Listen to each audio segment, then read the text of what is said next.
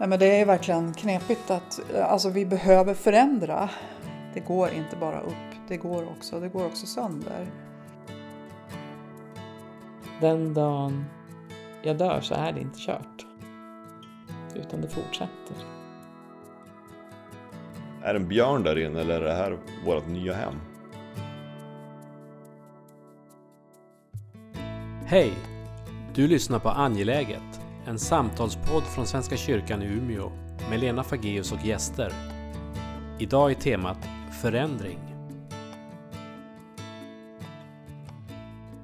Då vill jag hälsa er välkomna till den tredje delen i vårt samtal om förändring. Och nu ska det handla om förändring utifrån det där perspektivet av förändringen som vi verkligen inte vill. Som de flesta av oss någon gång i livet tvingas gå igenom. Alltså både de enskilda kriserna eller katastroferna eller eh, sjukdomar eller dödsfall eller förändringar i vårt personliga, privata liv eller för den delen i samhället. Nu släpper jag bara lös här. Johannes, Uff, släpp lös dig. måste, måste jag börja? Ja, men vad gör man i de där när man liksom är tvungen att förändras? Hur går det till med en sån förändring? Ja. När vi pratar om det här med liksom förändring och förnyelse eller så konservatism och så, så är det, är det inte alltid så att samhällen som är i stora, stora omvälvande förändringar tenderar att alltid bli konservativa. Att man liksom, vi som människor vill bromsa det där. Jag tänker att det är som en, kanske en känsla av kontroll, att man vill ha det. Alltså något som man egentligen aldrig någonsin kan få men ändå liksom strävar efter. Att det blir både på individnivå och jag tänker att man märker alltid när det men om du har en grupp människor som står inför stor förändring så kommer en del, en del tycka att det jublar ju och tycker att det är jättespännande medan de andra de kommer bara få panik och verkligen bara lägga sig på handbromsen. Att göra allt för att, för att saker och ting ska vara som det har varit eller så. Eh, Jag tänker att det är något djupt mänskligt i det där också. Att det är kanske en överlevnadsinstinkt. Att ja, men nu vet jag inte vad vi är. Det är som att gå in i en mörk grotta, inte vet jag, på stenåldern. Är det en björn där inne eller är det här vårt nya hem? Ja, ja, Att eh, Och sen är det ju också helt otroligt hur vi kan anpassa oss till nya situationer. Ja men som nu med pandemin. Att, eh, att vi kan liksom, ja men okej. Då går jag inte och handlar då. Men är inte det där också, där handlar, för det gör vi ju, att vi tvingas ju till förändring hela tiden. Ja. Alltså vi gör det ju. Förändringen gör vi ju, vi hanterar det, vi klarar ju av nästan allt som människor. Det är ju helt uppenbart. Men, men frågan är ju bara hur, hur lustfyllt är det? Alltså att, eh, eh, blir det bara en kamp för överlevnad eller tycker att det är lite trevligt? Jag tänker att det är eh, att, att man svarar väldigt olika på det. Det tänker jag också. Jag tänker överhuvudtaget det här med alltså förändring som vi tvingas till på olika sätt. Oavsett om det är personligt eller i ett större sammanhang eller samhället. Så tänker jag att det finns ju absolut inget entydigt svar på hur man förhåller sig till det. Utan det handlar ju om, tänker jag, mycket av det som vi har pratat om kanske vid något av de andra tillfällena. Det här, alltså ens egen rot, ens egen grund. Ehm, ens egen eh, lust. ens egen eh, förmåga att våga eh, släppa taget lite grann. Det är ju det här Kierkegaard-citatet om att våga kasta sig ut från 10 000 meters höjd och veta att det finns något där under som tar emot. Eh, För mig är det viktigt eh, att känna att, att ja, jag kanske inte har lust med det här, jag kanske inte vill, Men det går. men det går. Jag läste någon for- forskningsrapport någon gång för länge sedan. Jag har använt det här citatet rätt många år så jag kommer inte ihåg var det kommer ifrån. Men där man pratar om att, eh, att den, som, eh, den som kan tänka eh, varför, varför händer det här mig? De som tänker så. Varför skulle det här hända? Varför dog min man? Varför skulle jag mista jobbet? Varför blev jag sjuk? Eh, har mycket svårare att ta sig igenom en sån kris än den som kan säga ja, varför inte jag? Varför skulle jag besparas? Mm. Och att det är en markant skillnad till, i förhållningssätt till, till livet. Den ena ja, men, kan inte föreställa sig att jag skulle drabbas av något som är svårt och den andra kan, kan tänka mm. ut den tanken. Mm. Och att kan vi tänka ut tanken så gör det någonting med vårt sätt att ta oss igenom det. Det låter ju helt logiskt men det är ändå... Ja. Mm. Ja men har det också med att göra det här med som vi har snuddat vid tidigare också, det alltså vår, vårt individualistiska sätt att se både på världen och på samhället och oss själva. Det är ju jag som, någonstans så skapar jag själv mitt liv. Mm. Eh, och det skapar jag ju på det här sättet. Mm. Jag vill ju liksom att allting ska gå mig bra, jag vill aldrig drabbas av någon form av motgång. Eh, och sättet som vi hela tiden uppmuntras på alla möjliga sätt är att du tänker ju helt rätt. Eh, som, ja. som tänker att ditt liv kommer aldrig att, att eh, skakas om. Du kommer aldrig att bli tilltufsen. För det är mm. inte det du har, du har tänkt med ditt liv. Mm. Medan som vi är eh, medvetna om att det är inte jag som skapar mitt liv. Mm. Eh, så är det lättare att, att säga, ja varför skulle inte jag drabbas av det här? Ja.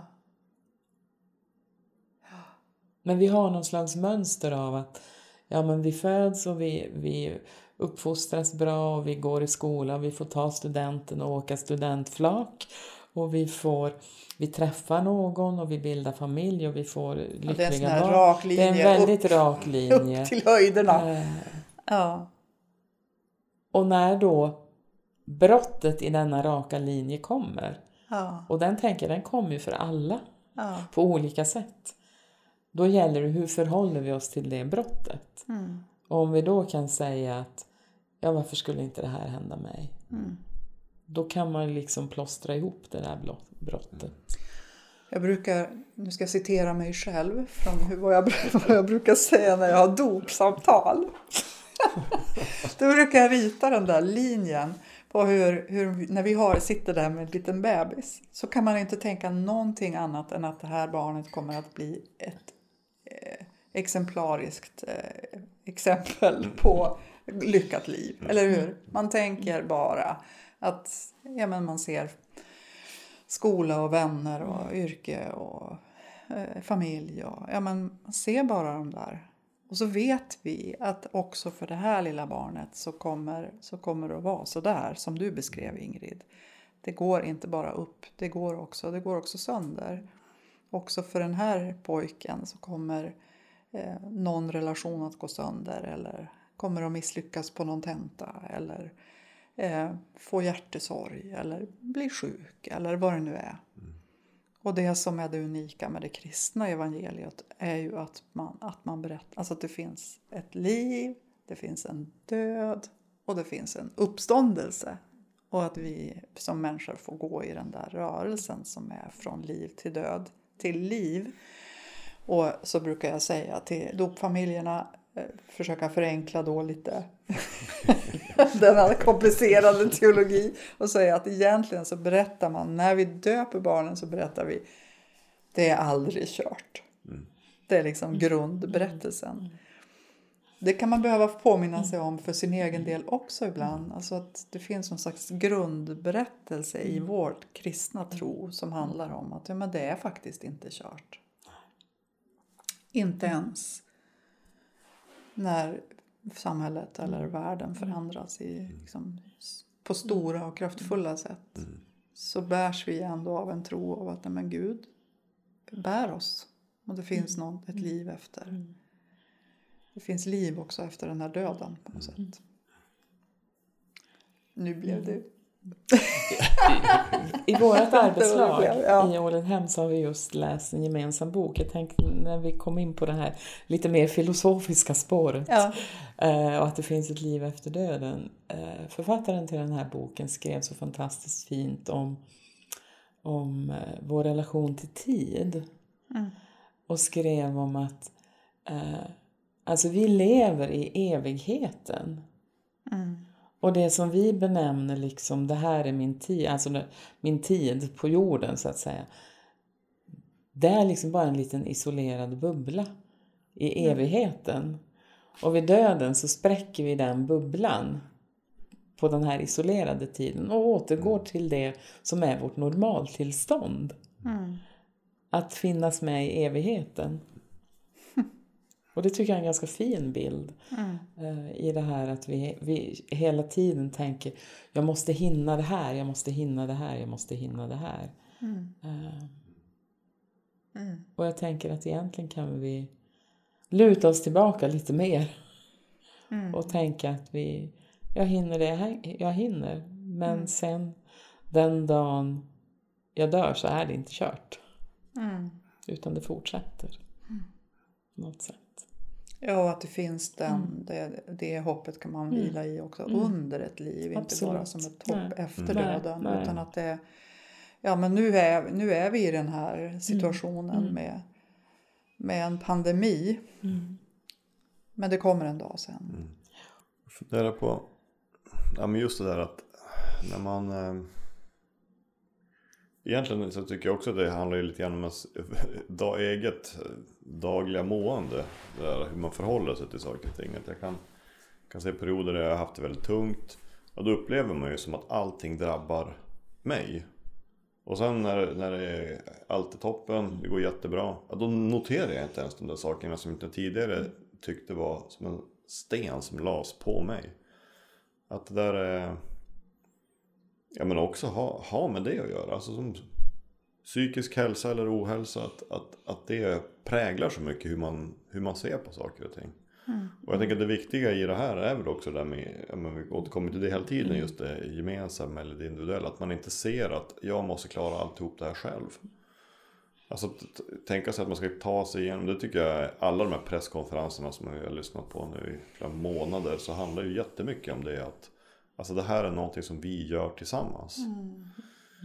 I Norge så pratar de hela tiden, de pratar om dugnad, alltså frivilliginsatser och så. Att nu under Corona då är det nationell dugnad.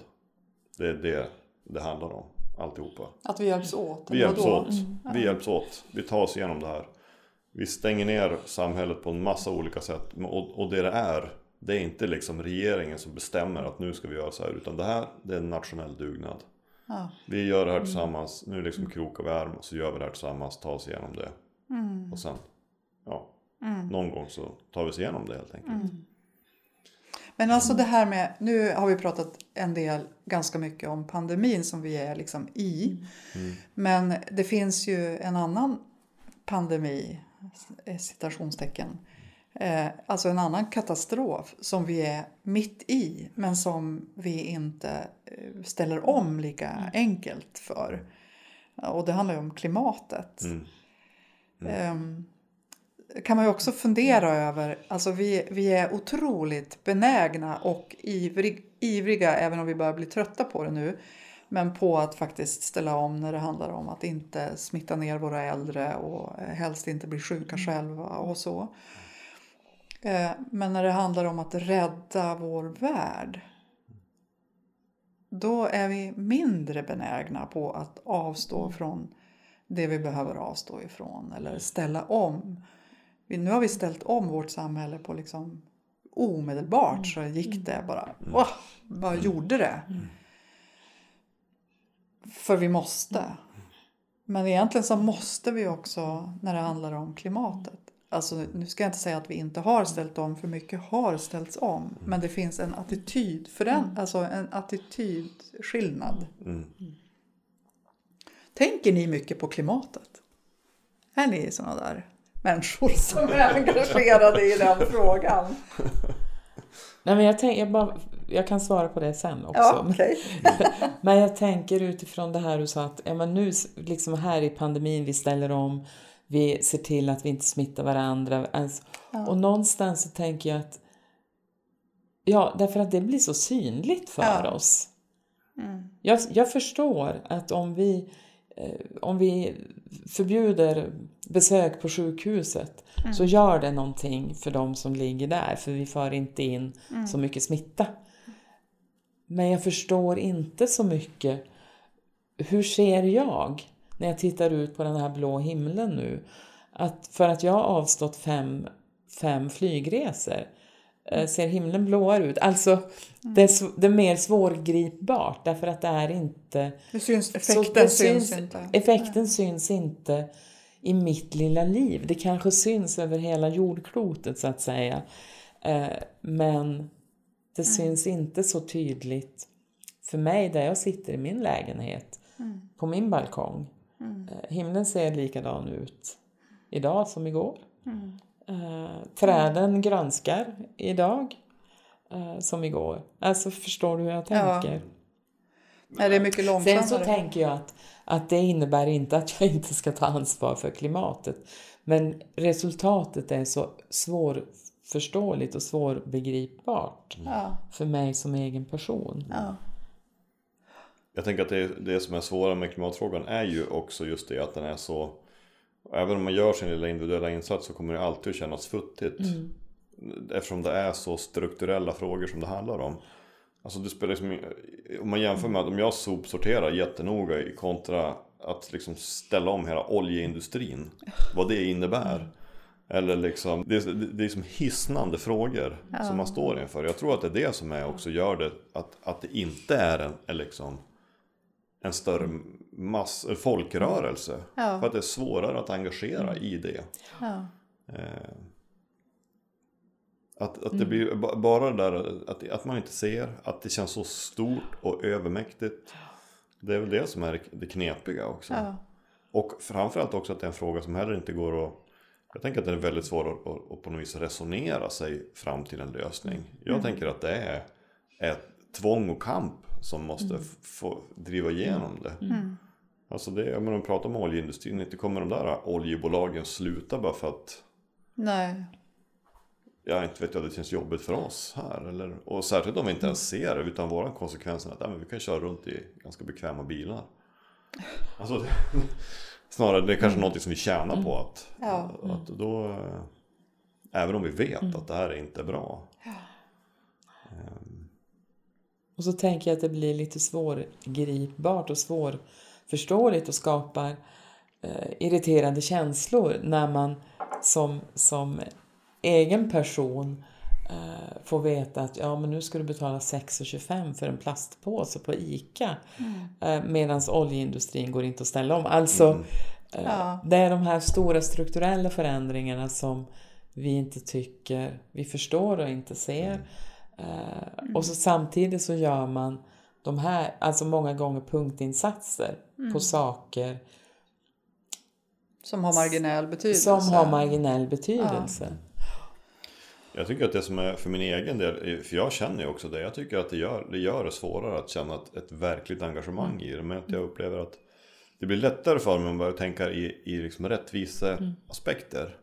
Att faktiskt se att det här är inte bara en som en teoretisk fråga om att ja, himlen mår dåligt. Utan att det faktiskt att man kan se att det här är konsekvenser som det får direkta konsekvenser för människor. Mm. Att människors liv förstörs eller att man inte kan leva som man gjort. Mm. Eller alltså, ja, sådär. Det är då som jag tror att, och det tror jag man behöver lyfta fram tydligare när det gäller klimatfrågan. Att det här också det handlar om rättvisa. Alltså vilka är det som drabbas av det här? Det är, och, inte minst bara för en som pedagogisk aspekt. Jag tror det är mm. lättare att få andra människor att engagera sig, eller människor att engagera sig i andra människors liv. Mm. Än om man säger så nej men abborrarna finns inte kvar. Mm. Alltså om, om man ska hårdra det, alltså det blir en sån. Mm. Psykologisk faktor, jag vet inte mm. riktigt. Men, men, ja, nej, men det, det ligger mycket i det tror jag. Att vi, att vi kan, när vi ser konsekvenser för enskilda personer eller grupper. Så att det är lättare och sen mm. är det ju, det börjar ju också krypa närmare. Definitivt. definitivt. Så att man ser effekterna Mm. så på. Mm. Nej, men det är verkligen knepigt att alltså, vi behöver förändra. Mm. Och, vi, och jag, jag kan också tänka att vi, vi behöver föra de där samtalen mer och mer.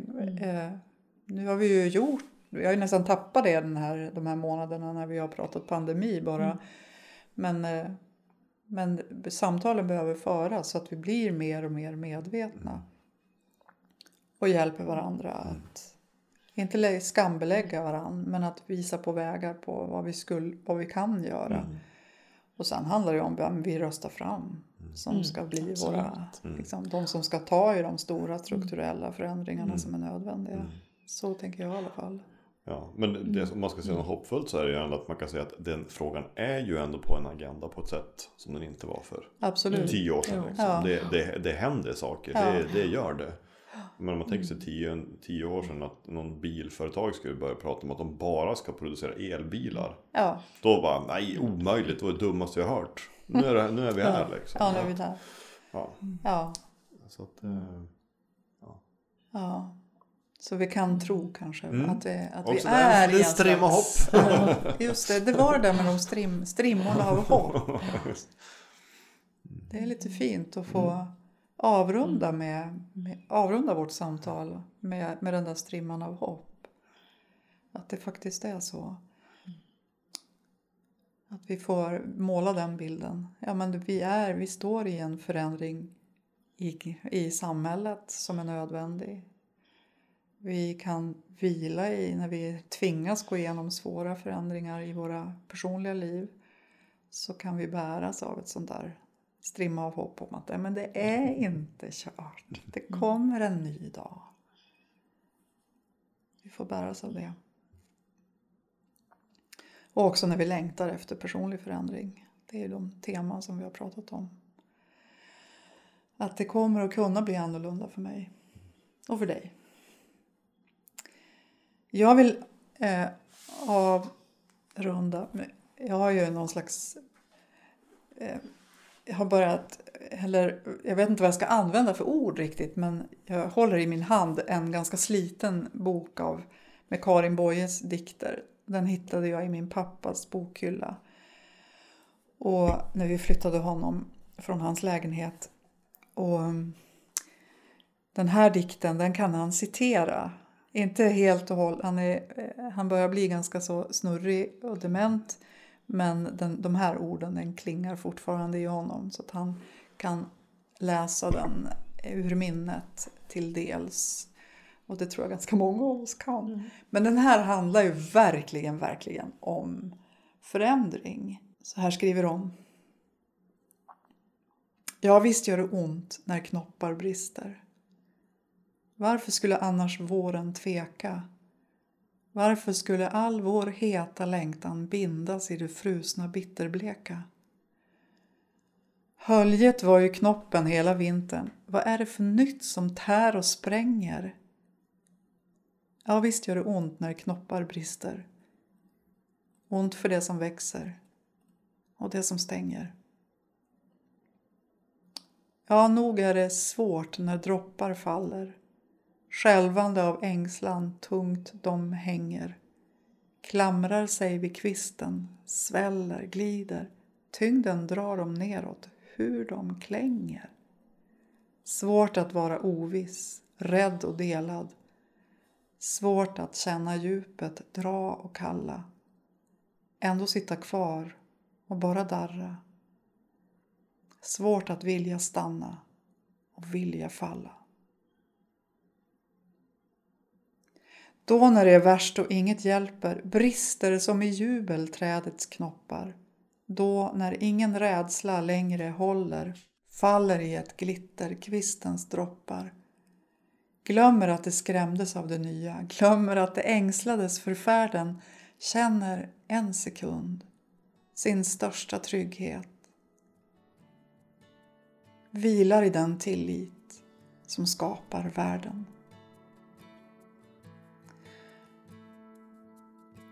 Tack för samtalet. Tack för att ni lyssnade.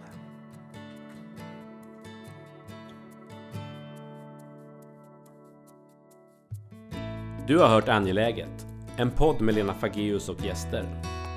Podden är producerad av Svenska kyrkan i Umeå. Vill du fortsätta samtalet når du oss på Svenska kyrkan i Umeås Facebook eller via e-post till umia.kommunikation svenskakyrkan.se. Tack för att du lyssnade.